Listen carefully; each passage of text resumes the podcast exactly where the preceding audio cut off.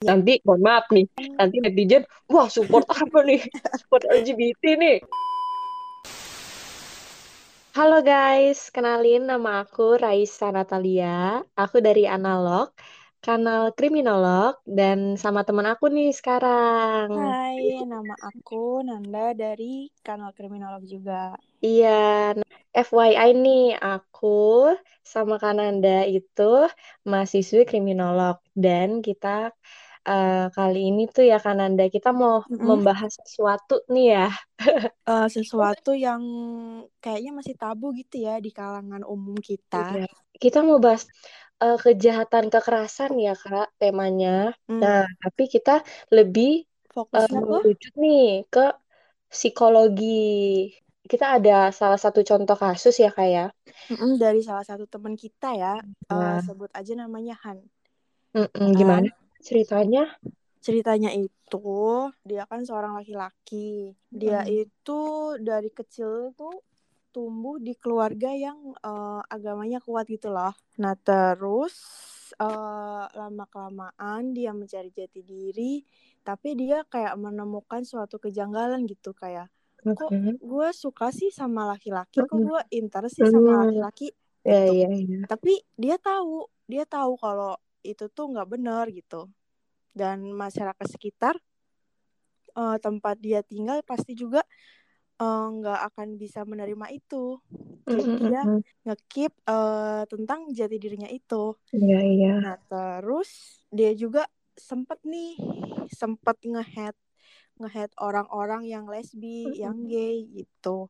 Padahal sebenarnya dia cuma nutupin, dia juga merasakan hal yang sama gitu. Mm-hmm. Kalau dari cerita dia, dia bisa begitu karena waktu kecil dia itu kurang mendapat kasih sayang dari orang tuanya gitu, terutama dari ayahnya gitu.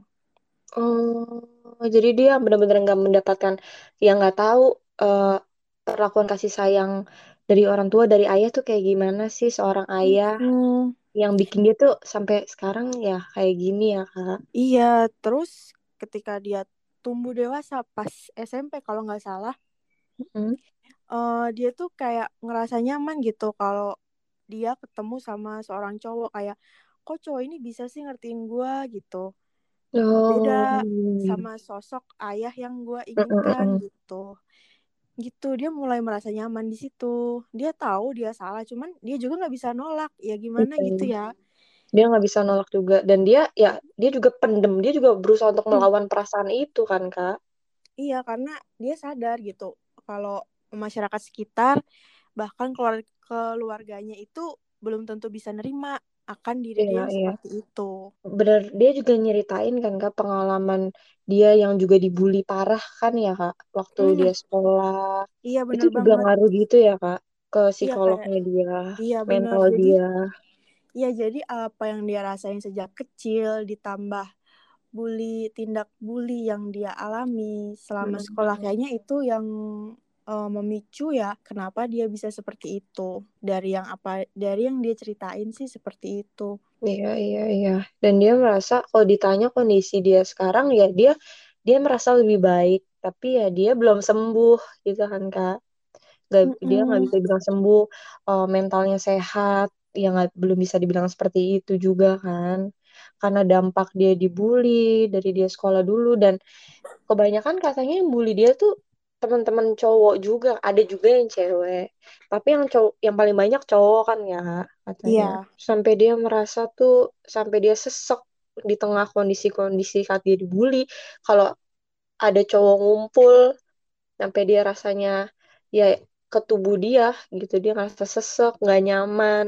Iya bahkan sampai dia tuh nggak bisa nerima diri diri mm -mm, sendiri bener. gitu loh sampai kayak ya fifty fifty ya kak Mm-mm. dia aja nggak ibaratnya nih uh, nggak nggak ngerti nggak paham jati dirinya dia gimana sih karena kan yeah. kalau kita lihat ya kak uh, ada kan memang orang yang dia LGBT nih dia gay hmm. tapi ada yang dia mau open mau open gitu kan kak orang kayak dia mau nyari pasangan gay dia kalau ini dia juga merasa takut ya enggak untuk nyari ya pasangan ya udah ya nggak berani dia nggak berani untuk mau Iya. ngapa-ngapain bersosialisasi. Uh, uh, bahkan dia juga bilang kalau selama enam tahun itu dia nggak bisa nangis sama sekali. Iya gitu. benar-benar nggak punya kayak bener-bener perasaan mati gitu rasa ya. uh-uh. iya iya. Nggak punya rasa empati. Nah terus lama-lama lama-lama dia mulai mencoba untuk membuka diri dia. Hmm.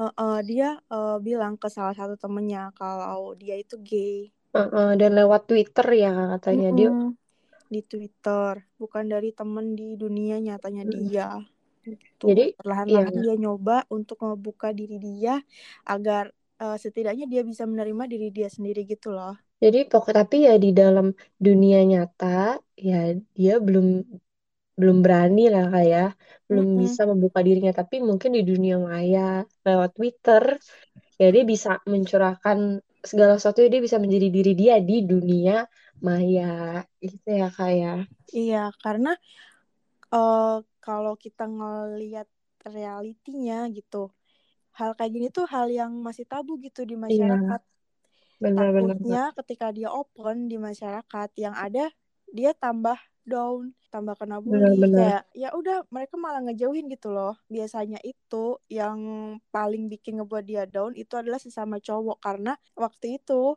uh, aku pernah tanya ke temenku yang straight cowok mm-hmm. gimana pendapat kamu tentang cowok gay dan dia mm-hmm. bilang kayak cowok gay itu kebanyakan dia merasa kayak oh lu gay ya lu berarti suka mm-hmm. sama gue dan dia kayak ngejauh kayak begitu padahal nggak semua gay itu seperti itu gitu ya, benar. dia tahu batasannya gitu itu yang ngebuat dia takut terutama ke sesama cowok gitu dia nggak bisa ngerti sebenarnya nggak semua gay kayak gitu kok gitu. Iya benar-benar. Kita tuh ya paradigma kita ya kebanyakan, apalagi kita di Indonesia ya kita mm -hmm. masih terhadap orang-orang gay atau LGBT ya kita penolakan lah, iya nggak sih kak? Kayak iya. kita memandang, iya ya, pastilah kayak ya apaan sih kayak gitu. Mm -mm. gitu.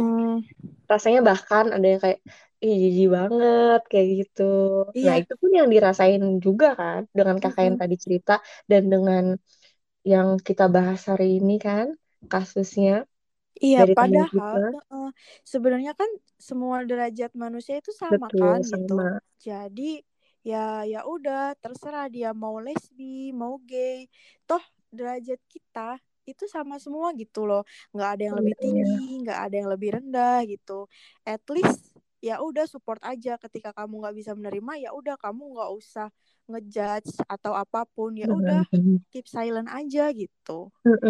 Karena nggak tahu nih uh, perkataan apa yang kita ucapkan yang bisa ngebuat hmm. orang lain sakit hati. Ya, kita kan nggak tahu gitu. Bisa bawa pengaruh bahkan ke dia hmm. ya. Kayak kita nggak tahu kondisi psikis mereka tuh kayak apa? Kan kita nggak tahu ya cak benar-benar mm. dan ngelihat dari ngelihat dari kasus teman kita ini ya pastinya ya kak dia kan mengalami kekerasan psikologis juga kan.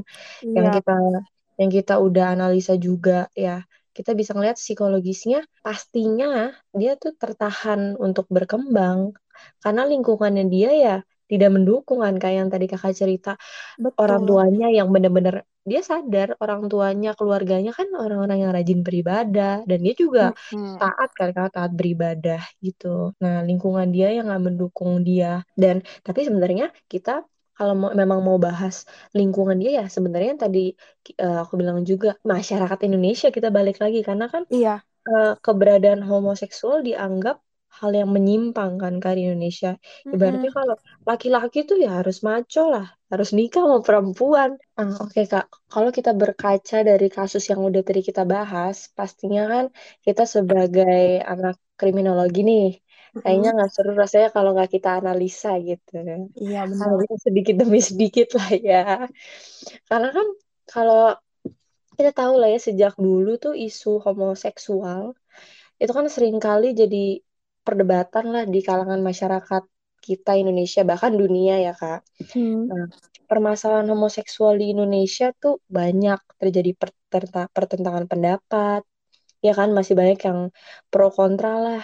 Nah mereka nih yang pro sama homoseksual bilang kalau negara dan masyarakat tuh harus dong mengkampanyekan prinsip non diskriminasi antara laki, perempuan, transgender lah, tuh. Dan pro homoseksual ini tuh ngejadiin HAM, hak asasi manusia tuh sebagai dasar tuntutan mereka gitu loh, dengan menyatakan bahwa orientasi seksual adalah hak asasi manusia bagi mereka. Nah, di Indonesia nih homoseksual adalah hal yang tergolong belum sepenuhnya kita pahami gitu.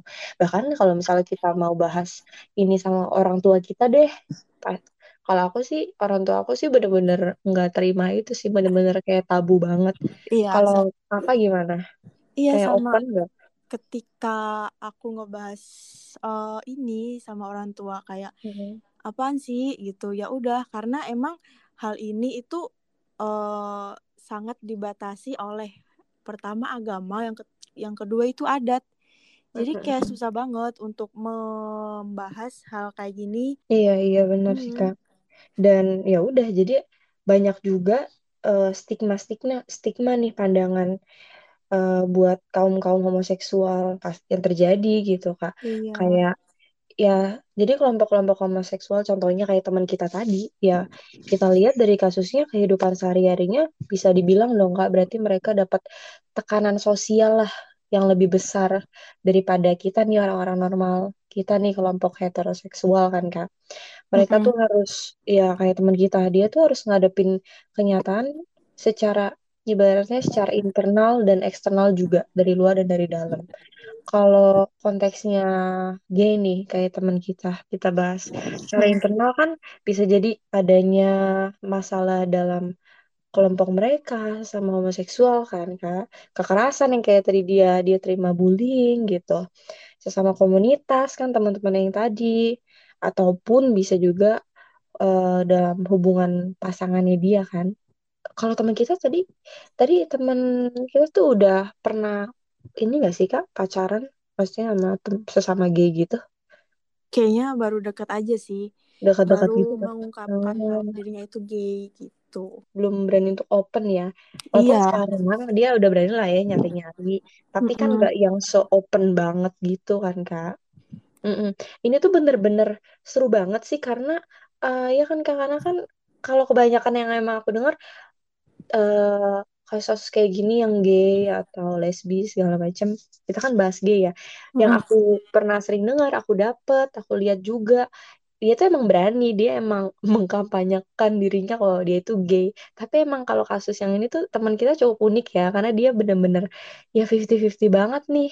Dia kayak oke okay, dia gay dia berbeda tapi di sisi lain dia tuh ibaratnya susah sekali gitu merasa terkurung nggak bisa bersosialisasi takut ya kan kak? Ya karena Jadi, kembali lagi uh, dia uh, berada di lingkungan yang belum bisa menerima dia gitu benar, benar. dan dia juga belum bisa seutuhnya untuk percaya sama diri dia gitu ya bener yang tadi kakak bilang juga dia gay bukan berarti dia nggak baik nggak bener nggak nggak bisa nggak punya talent nggak bisa nggak punya apa pun yang bisa dikembangkan kan enggak ya kak semua kan balik dari diri dia Iya karena Dan, kan yang ngebedainnya itu cuman preferensi seksualnya kan. Tuh, Kalau iya. untuk soal bakat uh, iya, atau bener, apa pun bener. bahkan mereka kadang bisa lebih gitu dari Tuh. yang kita biasa gitu. Dan mm -mm. lingkungan dia yang nggak mendukung, nah itu kan secara eksternal juga ya kak. Ya iya dari dia sekolah uh, teman kita ini dia dapat diskriminasi, kekerasan kan kak, dia dibully dari iya. teman-temannya gitu. Dari Bahkan, keluarganya juga. Iya, dari keluarganya juga. Iya bener banget. Jadi susah hmm. banget sih. Emang ketakutan terbesar kita ketika kita ingin menjadi diri kita sendiri itu orang tua sih.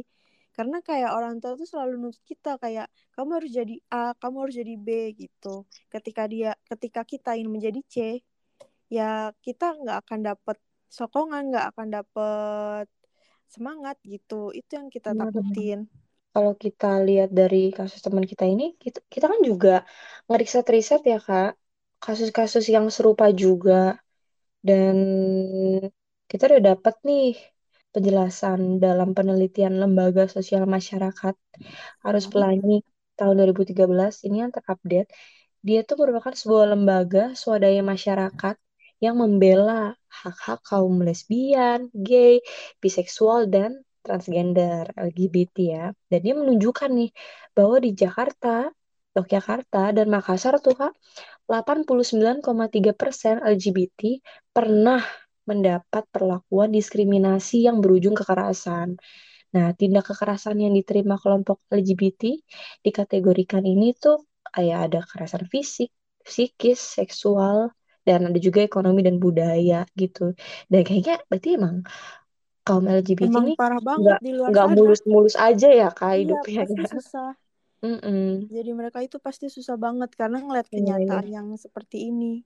Mm-mm. Gitu. Tekanannya ya kak. Betul. 79,1 persen itu ternyata dalam bentuk kekerasan psikis dan itu yang paling besar loh, kekerasan psikis yang kita bahas ini kan kak tema yang kita ambil untuk kejahatan kekerasan ini betapa benar-benar uh, pentingnya kekerasan psikis ini kan kak banyak banget yang ngalamin memang kekerasan fisik ada ekonomi kekerasan seksual gitu seksual yang kedua terbesar tapi benar-benar psikis tuh gila ya ngaruhnya bener-bener Oh iya, ini kan di beberapa negara itu kan mm-hmm. udah mengesahkan uh, pernikahan sesama jenis. Nah, oh, menurut iya. kamu nih di Indonesia itu akan terjadi nggak sih seperti itu? Menurut aku pribadi ya, mohon maaf mm-hmm. nih netizen. mm-hmm. Kalau menurut aku pribadi di untuk di Indonesia kayaknya belum bisa ya.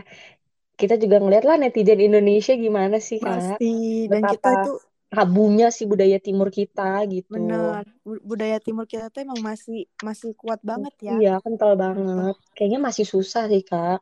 Benar-benar. Ibaratnya ada wah LGBT gini aja langsung diskriminasi. Wah, langsung, iya, langsung. Anda berdosa sekali gitu kan. iya, iya, iya. Uh.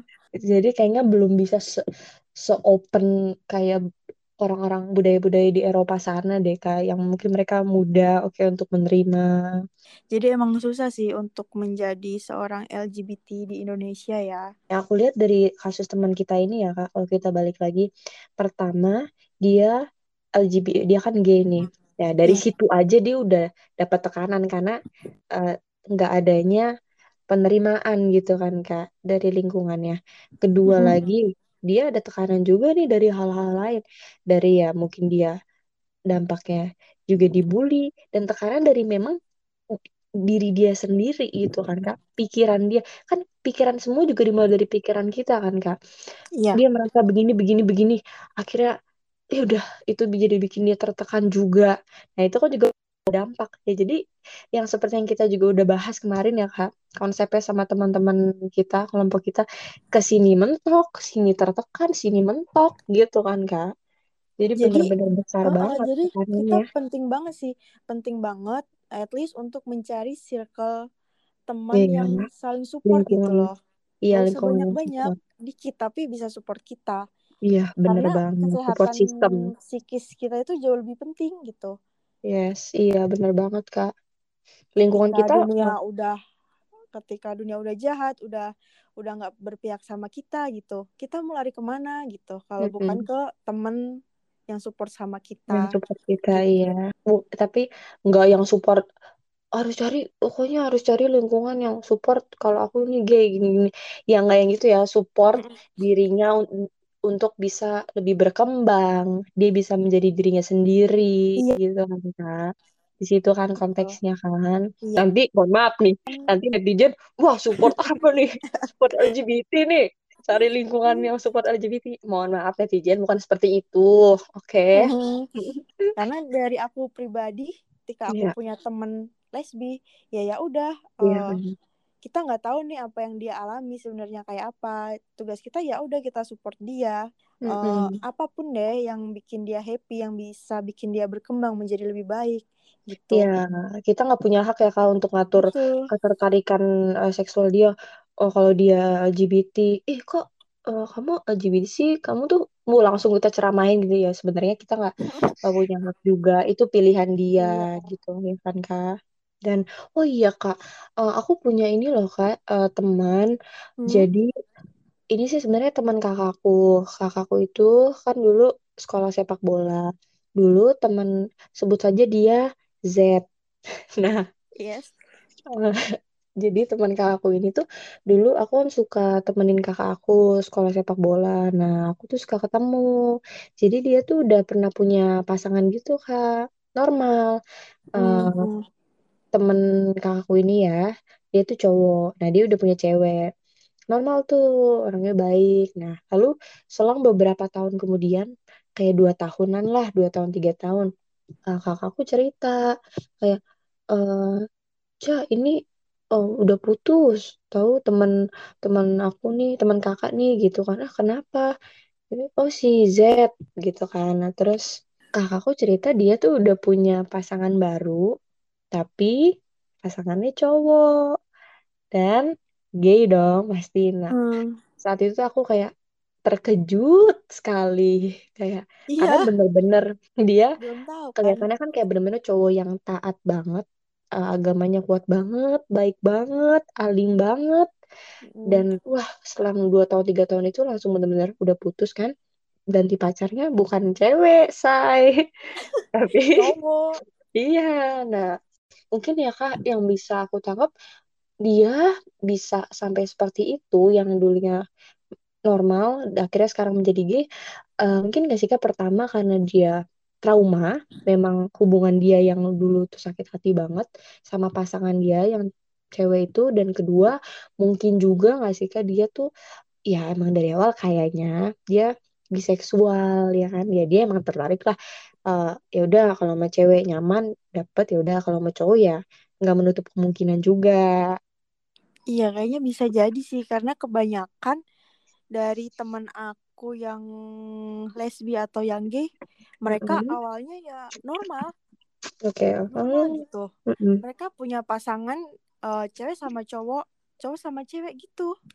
Tapi entah Oh, kenapa ketika mereka merasa tersakiti, terus ketemu Mm-mm. sesama dan mereka merasa Mm-mm. nyaman, Betul. ya gender tuh bukan masalah.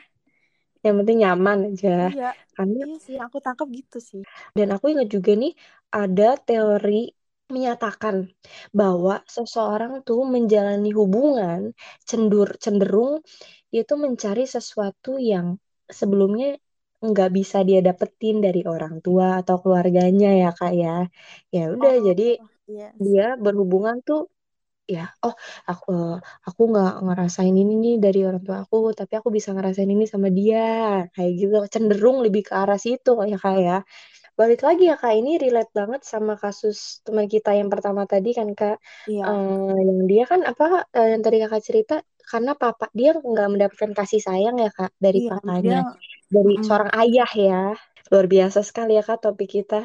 Pada iya, malam hari ini memang malam hari ini jam-jamnya overthinking ya kak iya, Iya, dan jarang ya Kak. Dan tentunya nih juga teman-teman kita eh, ambil topik tema kejahatan kekerasan eh, psikologi ya, yang juga eh, pengaruh juga eh, ke seksual juga pada pria, betul Kak? Karena kan ka- kalau kita nih melihat kalau perempuan udah sering ya Kak, udah mm, banyak gitu kasusnya.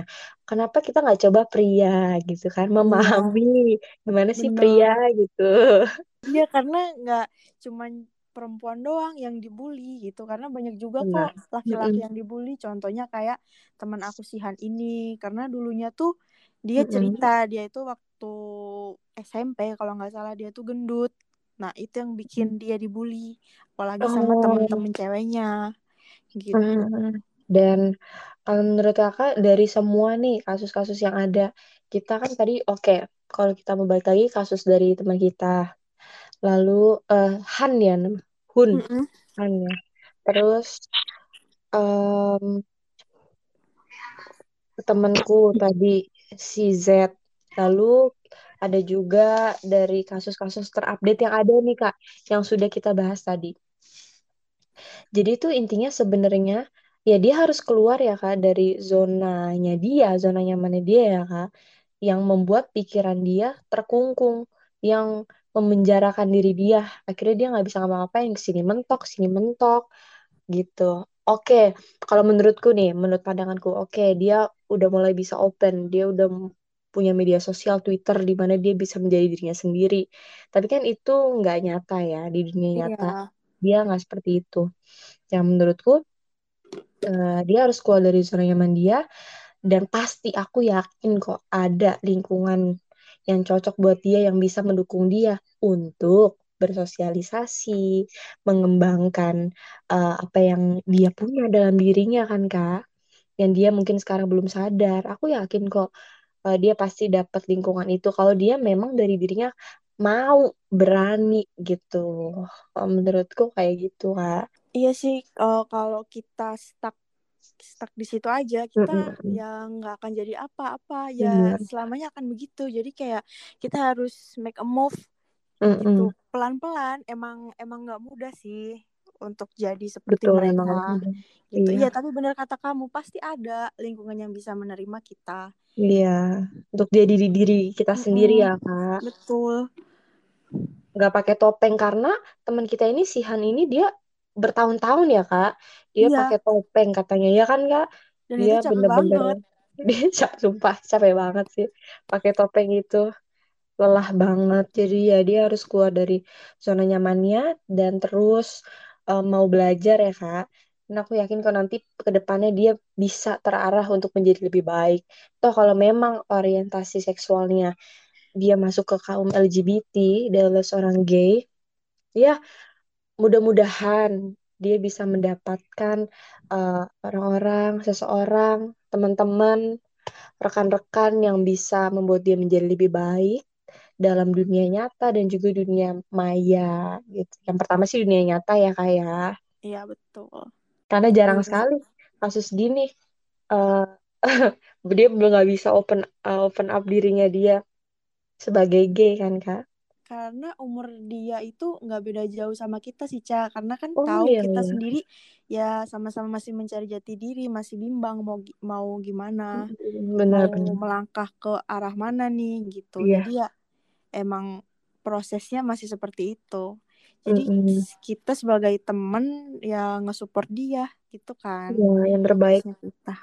buat teman kita Han ini ya kak mudah-mudahan ke depannya teman kita ini bisa menjadi dirinya bisa dia bisa menerima dirinya sendiri ya kak menemukan iya. jati dirinya mengembangkan dirinya dan biar uh, luka-luka lama yang iya. dia alami itu perlahan-lahan sembuh iya betul dan semua kembali ke diri kita masing-masing ya kak kita betul. kayak lagi kita hanya memberi saran ya kan kak hanya memberi mencoba untuk memberikan edukasi dari dan juga menganalisa dari kasus-kasus yang ada gitu.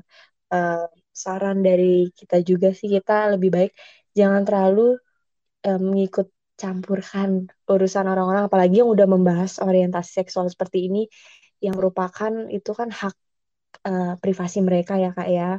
Iya betul. Kecuali memang ada sesuatu hal-hal gitu yang menyenggol diri kita yang merugikan diri kita gitu kalau dipikir-pikir uh, mau mereka lesbi, gay itu emang nggak ngerugiin kita sama sekali. Iya, Buat bener, apa bener, kita ngomenin hidup mereka yang seperti itu? Asik, mantap. Dari Kanada, apakah ada yang ingin uh, ini dibahas lagi atau yang ditambahkan, Kak? Kayaknya udah cukup deh pembahasan kita. Iya, sepertinya udah cukup ya, Kak. Mm hari ini, nah gitu. Oke, teman-teman. Semuanya terima kasih ya sudah mau mendengarkan podcast kita ini. oh, Semoga... podcast yang kita buat dadakan ya. Iya, dadakan ya. Semoga, semoga uh, isinya bermanfaat. Uh, iya. Hal-hal positif bisa diambil, yang negatif ya udah dibuang aja. Dibuang. Kalau ada yang nggak ngerti ya udah. Ya udah, maklumin aja. maklumin ya. Oke. Okay. Oke, okay, teman-teman semua. Terima kasih. Terima kasih. Have a nice day. Salam sehat, teman-teman semua. Bye-bye.